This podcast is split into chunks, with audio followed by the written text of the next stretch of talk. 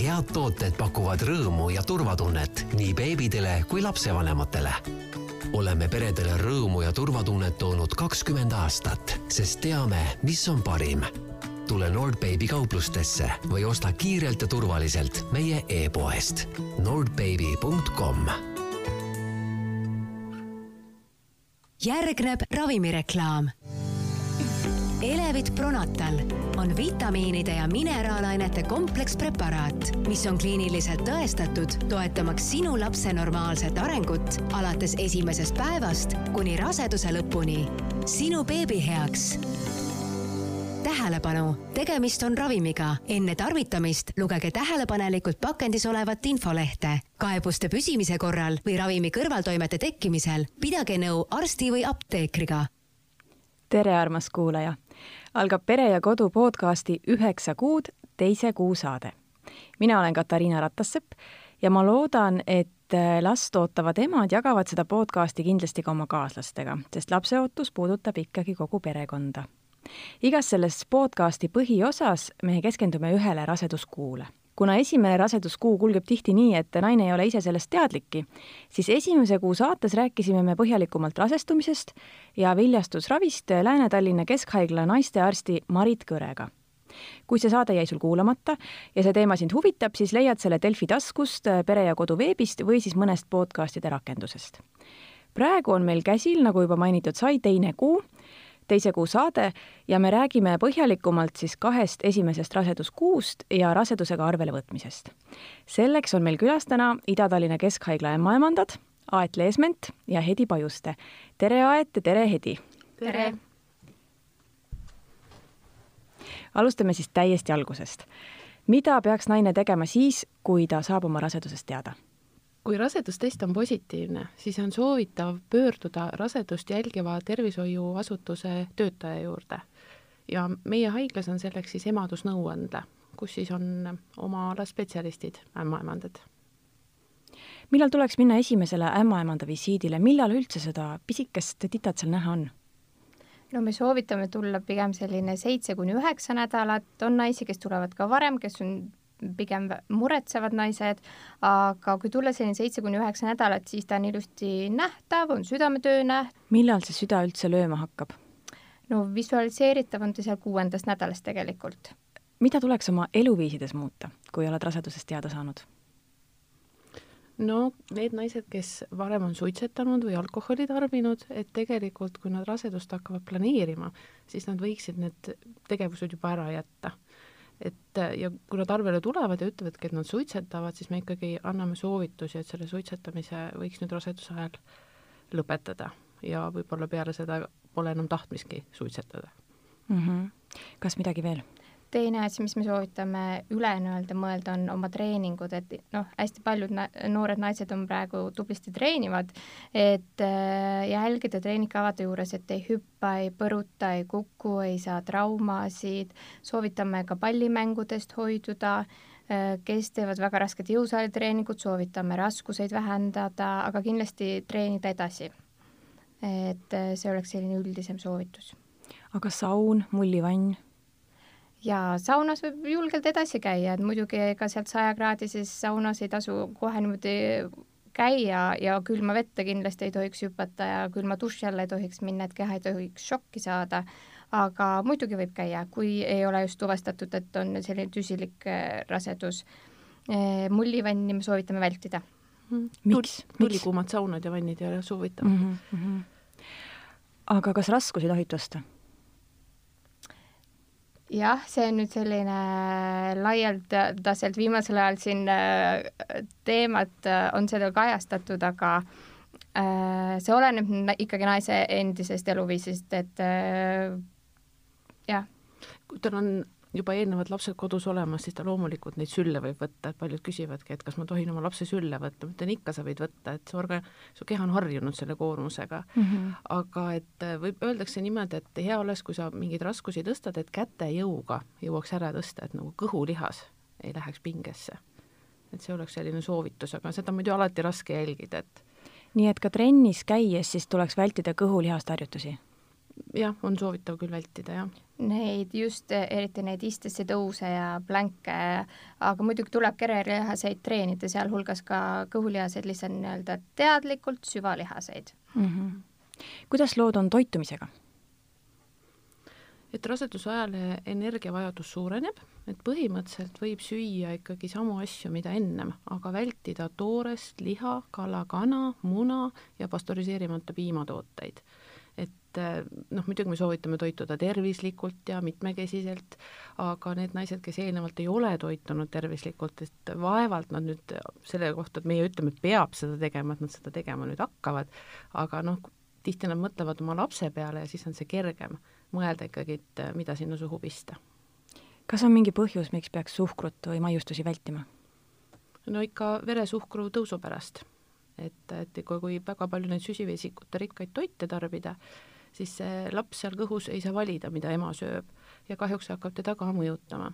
et kõrgemad, ema kõrgemad veresuhkrud mõjutavad ka last ja mitte positiivses suunas aga kuidas on imetamisega raseduse ajal, kui naisel on siis vanem laps, keda ta parasjagu imetab ja jääb uuesti rasedaks? jaa, kindlasti imetada edasi, kui, sest et ta otseselt nagu rasedusele ohtlik ei ole. Äh, mõni imetab kahte last lausa korraga, kui ei saa enne, enne sünnitust võõrutatud või ei tahagi võõrutada. Tihti juhtub see, et need rinnalapsed raseduse kasvades loobuvad ise mm. -hmm. aga, aga see on väga erinev. väga mm -hmm. julgelt äh, imetada edasi, kui, kui vähegi ise tahab ja, ja beebi samamoodi tahab, et, et see kehal on küll koormus, soovitame kindlasti sellistel juhtudel vitamiini juurde võtta, aga miks mitte mm. -hmm. kas last saab ka nii-öelda paksuks sööta kõhus, et, et kas ta võib ka liiga suureks sünnituseks minna? See on üks selline, ma ei tea, kas on linnalegend või ei ole, vot nüüd vastake. noh, kindlasti, kui ema sööb väga süsivesikute rikast toitu, siis see laps siiski kasvab, aga lapsed ka on tihti suuremad geneetiliselt et kui vanemad on ise on suuremad, on neil mõlemal sünnikaalud juba olnud suuremad, nad on pikka kasvu, siis paljudel nad võivad ka väga tervislikult toituda ja see laps ikkagi on suurem. aga loomulikult selle lapse võib ka suuremaks süüa. Et nii-öelda otseühendust ju ei ole, et kui ema sööb, et nüüd kõik need süsivesikud otse lapsele lähevad, aga siiski noh, tasuks vaadata, et liiga palju ei maksa, et iga toidukord ei pea olema midagi magusat ja väga süsivesikute rikast kas raseduseaegne liiga suur kaalutõus võib kuidagi naisele ohtlik või ebatervislik ka olla? no hiljem on see kaal vaja maha saada ka, et, et see võib osutuda raskeks mm. -hmm. et äh, kindlasti ei maksa süüa kahe eest. Ja kindlasti see koormus liigestele ka, et mm. -hmm. kindlasti jah, et mm. -hmm. mitu kilo naine võiks siis rasedusega juurde võtta? see sõltub kehamassiindeksist, millega naine arvele tuleb, et kas ta on normkaaluline, alakaaluline, ülekaaluline, aga kui me võtame sellise normkaalulise naise, siis kuskil seal üksteist pool kuni kuusteist kilo mm -hmm. võiks olla see kaalutõus mm. -hmm. ja mingi osa sellest jääb ju ka sünnitusmajja, eks ole? absoluutselt. Õnneks küll aga kuidas on lood toidulisanditega, kas midagi peab juurde võtma? kui naine hakkab rasedust planeerima, siis tegelikult oleks hea, kui ta juba eelnevalt alustab foolappe võtmist ja seda nelisada mikrogrammi päevas. D-vitamiini soovitatakse kõigil aastaringselt juba võtta, aga see foolape on see kõige põhilisem, millega võiks alustada vähemalt kas või siis, kui rasedustest on positiivne. et siis võiks hakata võtma natukene see sõltub ka naise toidulauast, et kui ta ise teab, et ta ei toitu ikkagi täisväärtuslikult, siis on mõistlik võib-olla sellist kompleksvitamiini sinna juurde hakata võtma, et kes siis raseduse aeg, kes enne rasedust, et äh, muidugi me rõhutame alati seda toitumise osa sinna juurde äh,, aga, aga jah, mina enda naiste puhul kindlasti rõhutan seda, et kuidas sa ise tunned, kuidas sa enda menüüd suudad jälgida kas sellisel juhul tuleks eelistada siis neid spetsiaalselt rasedatele mõeldud äh, toidulisandeid, äh, komplekse? Äh, no seal on võib-olla rohkem nagu väl-, välja kalkuleeritud see rasedate vajadus, aga kuna need tabletid kipuvad olema väga suured, et neid on raske neelata, siis kui leiad lihtsalt kompleksvitamiini, mille, mis läheb libedamalt alla, siis miks mitte lihtsalt jälgida, et need kogused oleksid seal mõistlikud. rasedate kompleksvitamiinis muidugi on enamasti see A-vitamiin on rohkem reguleeritud ja jälgitud kui tavavitamiinid, aga alati saab üle konsulteerida, et mis ja kui palju võtta mm. -hmm. aga millal võib oodata seda kurikuulsat rasedusaegset iiveldust, mida ilmselt kõik naised kardavad seoses rasedusega? mõnel varem, mõnel hiljem, mõnel üldse mitte ja no tavaliselt kuskil, kui tekib, siis seal kuuendal-seitsmendal rasedusnädalal võib-olla. ja mm -hmm. võib-olla ära lõpeb seal kümnel, kümnendal, kaheteistkümnendal nädalal, aga see on tõesti väga individuaalne, on ka neid naisi, kellel kordagi ei ole iiveldust ja nemad muretsevadki, et kas see rasedus ikka kulgeb normaalselt, kui neil ei ole iiveldust ja oksendamist. aga mm -hmm. siis me mhm. saame kinnitada, et see on täiesti normaalne raseduse algus ka siis, kui e-, enestunne ei ole halb jaa, see on täitsa kummaline, minul omast kogemusest rääkides ja oma paljude sõbrannade kogemustest rääkides, siis kaheteistkümnendast nädalast see tihti lõpebki niimoodi päevapealt.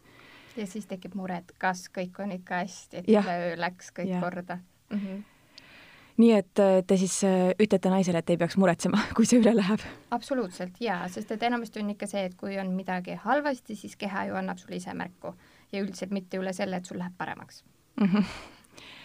aga kuidas saab seda iiveldust üldse leevendada? Noh, soovitus muidugi, mida eriti naised kuulda ei taha, on see, et siis tuleb süüa. süüa väikeseid koguseid sageli, eh, kõhtu täis ei söö, tühjaks ei lase, lihtsalt kogu aeg süüa. hommikul voodist enne välja ei tõuse, kui juba midagi sai kas mahla joodud või mõnda kreekerit näritud, et magu oleks pidevalt töös mm. -hmm. et ved-, vedeliku tarbimine on hästi oluline, et lonksudena, et korraga midagi palju ei pea kui palju vett peaks naine, rase naine siis päeva jooksul jooma? poolteist, kaks liitrit ikka kindlasti võiks ära juua, rohkem võib ka mm, -hmm. aga et poolteist liitrit kindlasti võiks juua. lonksudena ei pea korraga seda pudelit ära tühjendama. kas teil on mingeid soovitusi selles osas ka, et kuidas selle iiveldusega näiteks töö juures hakkama saada?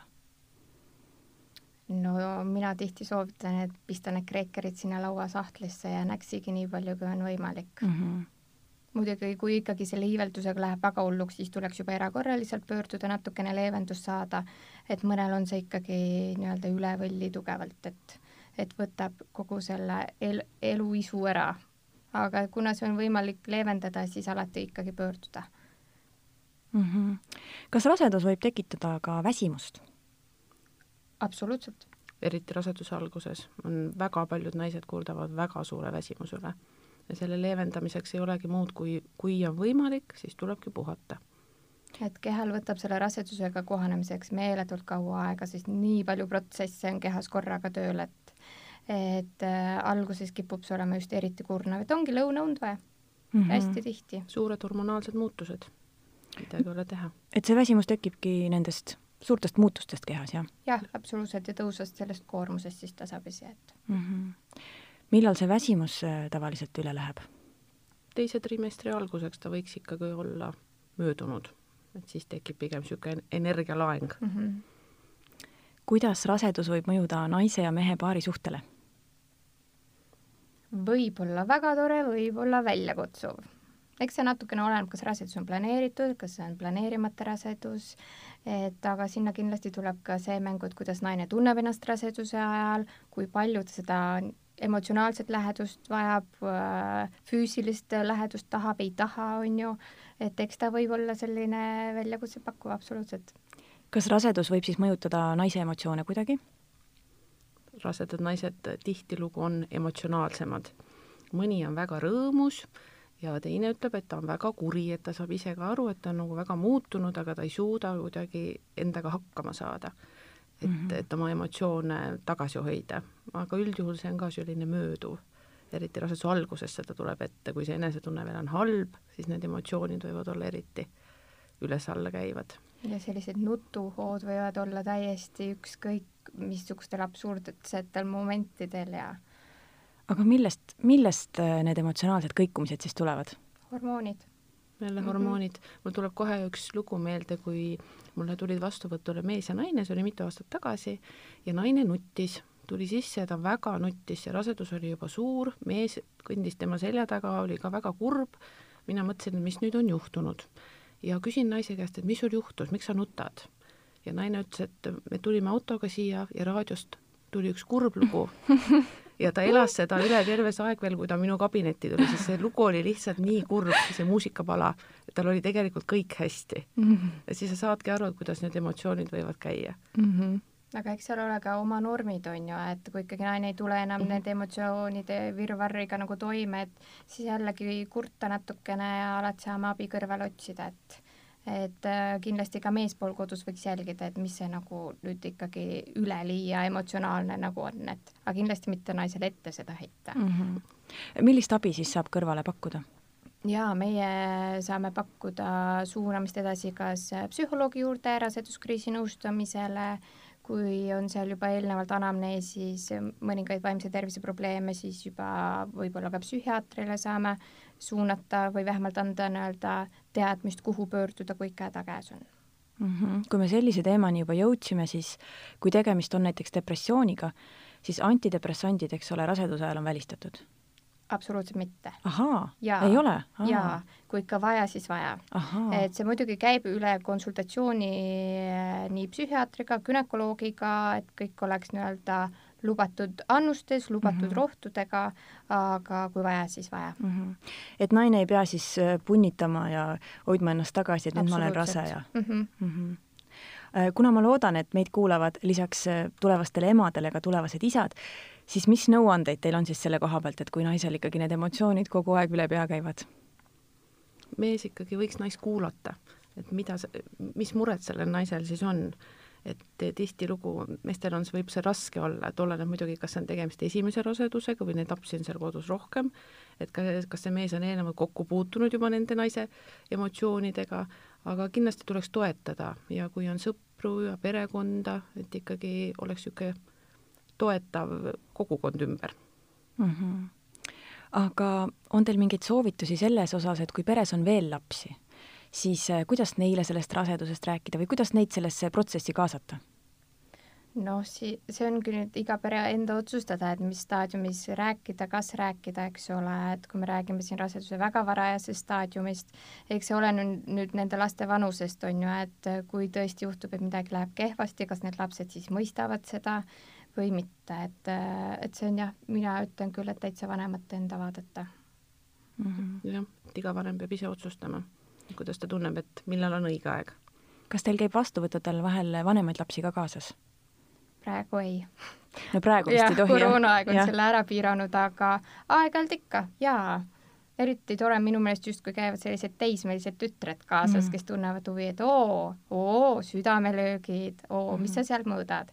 et see on nagu hästi vahva, et nad elavad kaasa ja väikesed ka, niisugused kahe-kolmesed, kes äh, saavad aru, et emmel nagu kõht on ees, et natukene ümaram on ja emme räägib küll, et tita-tita, aga aga kui ta ikkagi kuulab, et oo, et seal midagi tuksub, siis et äkki juba teeb neid seoseid, et eks see kohanemine läheb lastel alati veidi keeruliselt, aga mõnel kergemini, mõnel raske, nii-öelda lihtsamini mm. -hmm. kindlasti küsitakse palju seda, et kas suguelu ikka võib elada ja kas seda võib raseduse lõpuni no suguelu võib elada, kindlasti raseduse alguses see sõltubki, et kuidas see rasedus on kulgenud. on neid naisi, kellel raseduse alguses esineb veritsust, et siis me ikkagi pigem nagu püüame hoiduda. Ja see raseduse alguses sõltub ju hästi palju ka naise enesetundest, et kui ikkagi enesetunne on halb ja ta on väsinud, et siis kindlasti jälle mees peaks seda mõistma.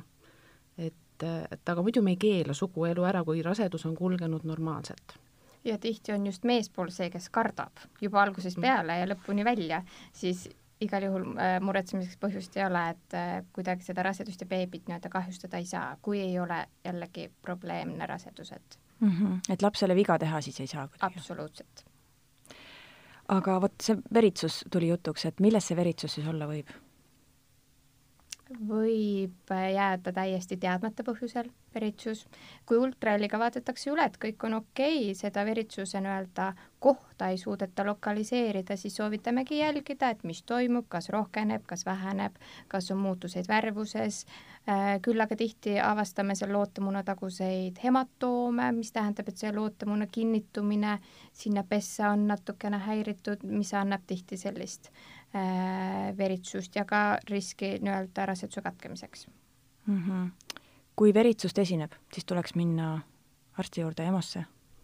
oleneb, milline see veritsus on, kui ta on selline vähene pruunikas, niisugune võib-olla vana veri, siis me kohe ei, ei ütle, et tuleks minna erakorralisse. aga kui on ikkagi verejooks, nii nagu menstruatsiooni ajal ja sellega kaasnevad veel tugevad kõhuvalud, siis tuleks kindlasti pöörduda ja palavik on ka üks näitaja kindlasti, millal tuleks pöörduda või siis ongi, et kui hakkab see veritsus pihta sellise vana verega, vähesel määral tualetis käies, siis on veel nagu okei okay., aga kui siis hakkab rohkenema, jääb kestma, muutub nagu veriseks, siis võiks ka ikkagi tulla näitama, et mis toimub. millal veel tuleks EMO-sse minna, mis põhjustel?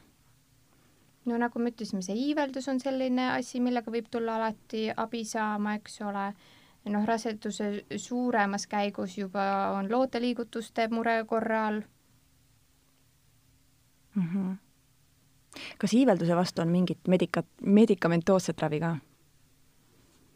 noh, nüüd ütleme koduste meetoditega nagu apteegi käsimüügist on nagu väga raske midagi leida. ma tean, et paljud soovitavad ingverit ja paljudel see ka aitab, mõni võtab enda reisitablette äh,. aga üks asi, mida mina olen soovitanud oma rasedatele, on selline käepael, niisugune, ütleme, akupunktuur võiks aidata, aga noh, see ei hmm. lähe nii-öelda medikamentoosse abi alla. aga medikamentoosselt saab abi günekoloogilt valvetoast mm. -hmm. veeni kaudu.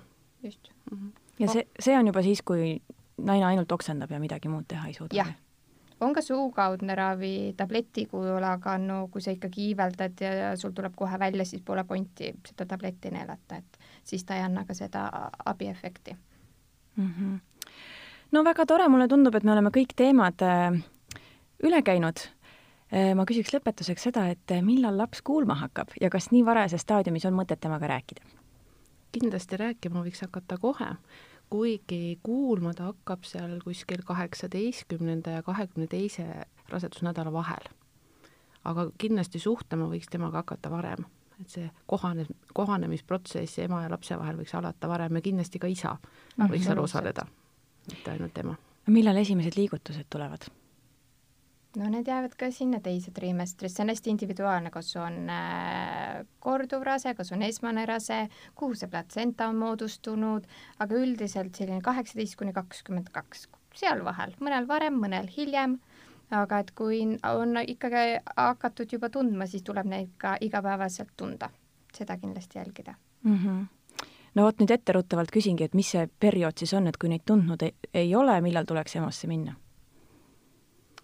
Igal lapsel kujuneb välja oma rütm, et mm. õudselt raske on niimoodi öelda, et ta peab hommikul kell kaheksa liigutama ja kell kümme, et äh, omas rütmis. ja kui... iga ema teab seda, ainult ema teab seda.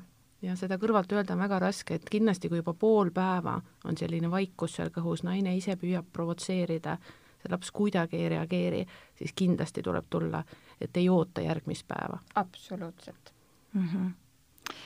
et siis pigem äh, pigem muretseda ja minna arsti juurde alati, kui et jääda koju äh, mõtlema, et mis ma nüüd tüütan mm -hmm. siin mhm. kedagi. keegi ei vaata halvustavalt, kui sinna pöörduda. kui naisel on mure, siis tuleb minna et.... pigem varem kui hiljem mm. -hmm aitäh, Edi, ja aitäh, Aet, aitäh, et tulite.